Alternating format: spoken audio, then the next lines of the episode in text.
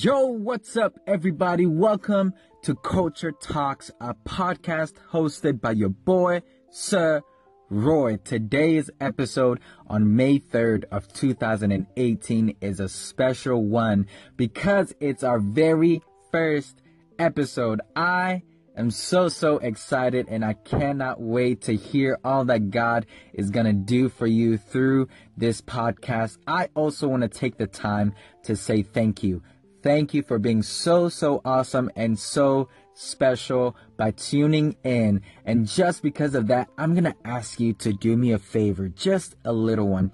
Click that share button. Go ahead and share this podcast with a friend or a family member or someone you know that will get something out of this. I want to make sure that they also get an opportunity to be blessed as well. Now, before we get started, take a moment and share this podcast, and we'll be right back. So, for today's podcast, we're going to be doing a little bit of basics, a little bit of introduction. As you saw, the title is What is Culture Talks and Who is Roy? So, for today's podcast, we're going to be getting to know me as well as what Culture Talks is all about. Now, let's get started on who I am.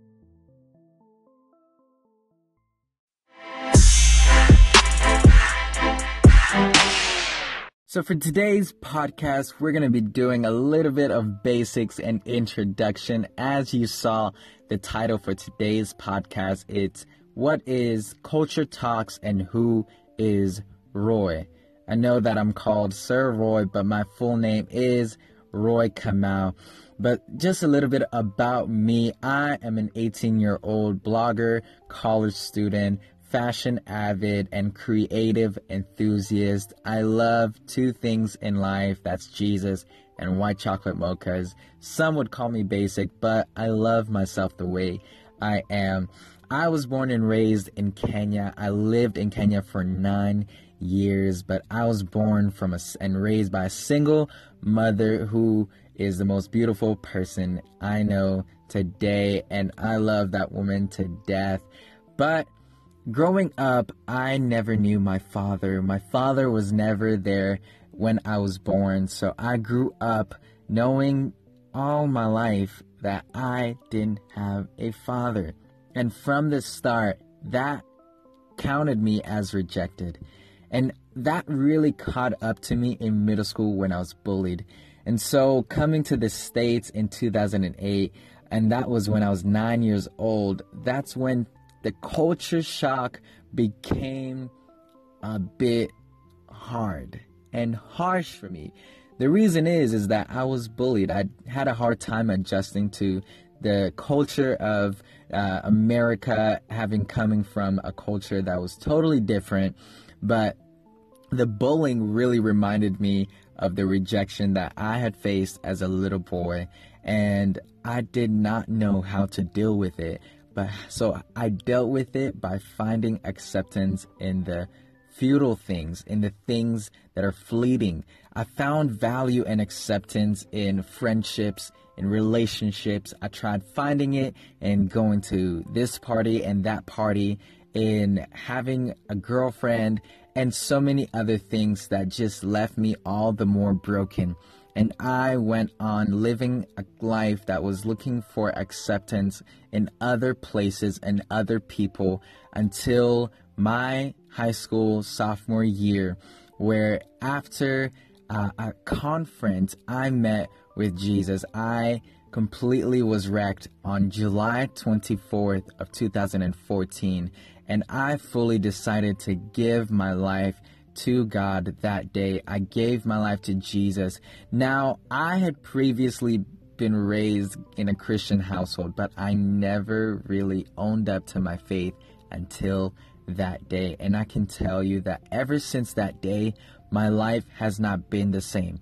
Now, has it been perfect? No. My life has not been perfect. I've had to deal with so many things within me that are so ugly. Some of them like pride, some of them like issues of abandonment, some of them like rejection, and the deepest wound that I have had to deal with in my life is an addiction to pornography. That was something that definitely killed me from the start and it's something that I'm still recovering from today and it's a daily battle. Now pornography was introduced to me when I was 9 years of age and it was through an advertisement that I did not look for. It was just there and I didn't know what to do. And just like any other child, you don't know what to do with it so you just keep quiet. Now I kept quiet, but porn came back to me around 8th grade and ever since middle school, 8th grade until about now. That's been an issue I have had to deal with and have to fight every single day. But I'm so grateful that with, with this walk with Christ, I have found strength to completely walk in purity and I can tell you that I'm not perfect in that area. I'm still learning. I'm still learning to walk in purity, but this is something that's part of who I am, and I am not ashamed of talking about it. I am not ashamed of uh bringing it out into the light because I know that there are many out there who are dealing with this issue, who are dealing with pornography, who are dealing with rejection, who are dealing with issues of abandonment. And I know that definitely you will get something out of this in the days to come and as we move forward with this podcast. So that's just a little bit about me. I also am a author. Yes, I know that is big because I recently published a book, an ebook. It's a free ebook and you can find it on my website www.roykamau.com and I am on the verge of publishing my first paperback book coming out this June. I'll be making an announcement in 2 weeks on when the date will be. So make sure you're on the lookout for that. I'm also a college student studying global ministry in the marketplace. So in the future, I hope to be a pastor and I know that in due season all will be revealed and all things will work together for me and for the good of those. Come on, you guys know the verse. But without any further ado, let's talk about what Culture Talks is. What is it about Culture Talks that you want to pay attention? Why do you need to come back and listen in for more?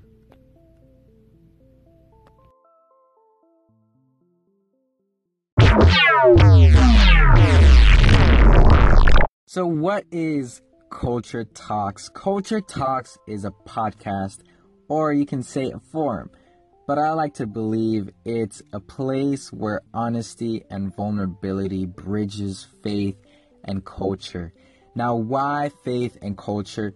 Because I believe that most of us grow up in the church thinking that the faith we have cannot it's so different from the culture. It's true, But I really believe that the faith we have, it's to impact the culture we live in.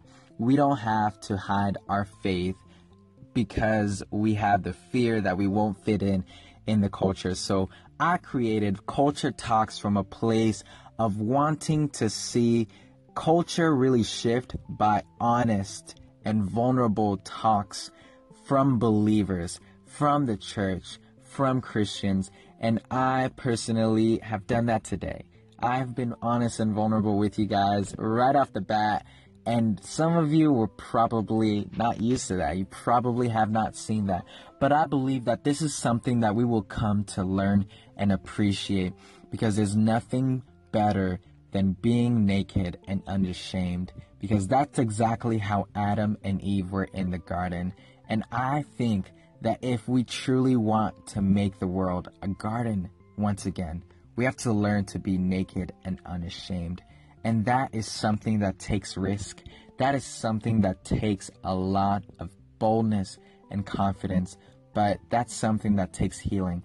And so for this podcast, expect people who will be coming in and sharing their real life stories and real life struggles, people who have been through it and I've gotten out of it. And also people who have been through it and still are get going through it and having and, and are dealing with the issue at hand. So we're going to be talking about so many issues that I can name off the top of my head, but it will be a list that would last that would take so long to get through. But just expect honest and vulnerable talks that we believe would completely change culture. And I would also appreciate it if you can also send in topics. Send in topics that you think would be beneficial for us to discuss about and how we can change the culture by being honest and vulnerable about those issues. So go ahead and make sure that you share this podcast and come back for more because because 2 weeks from now, not next week, 2 weeks from now, we're going to be talking about something that you would definitely want to be here for and that's about purpose. And I am so so excited for what is going to come out of this podcast and thank you so much for being such a great person and a great listener and you will definitely be blessed by this podcast. If you were blessed by something today, make sure that you share on your social media site and use the hashtag culture talks. It's culture without an E at the end. And go ahead and let's get talking. Let's get buzzing on what you expect and what you are excited for about culture Talks. Once again, thank you for tuning in. You are so awesome.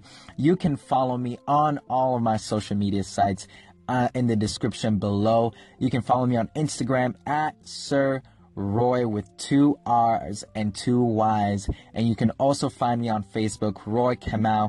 Make sure that you also subscribe to my blog, www.roykamau.com, where I get real, where I get honest, where I get more, even more vulnerable. And I know that this is something that is just the beginning. This is just the beginning, and the best is yet to come. Once again, thank you for coming in and tuning in on Culture Talks, and we'll see you guys in 2 weeks.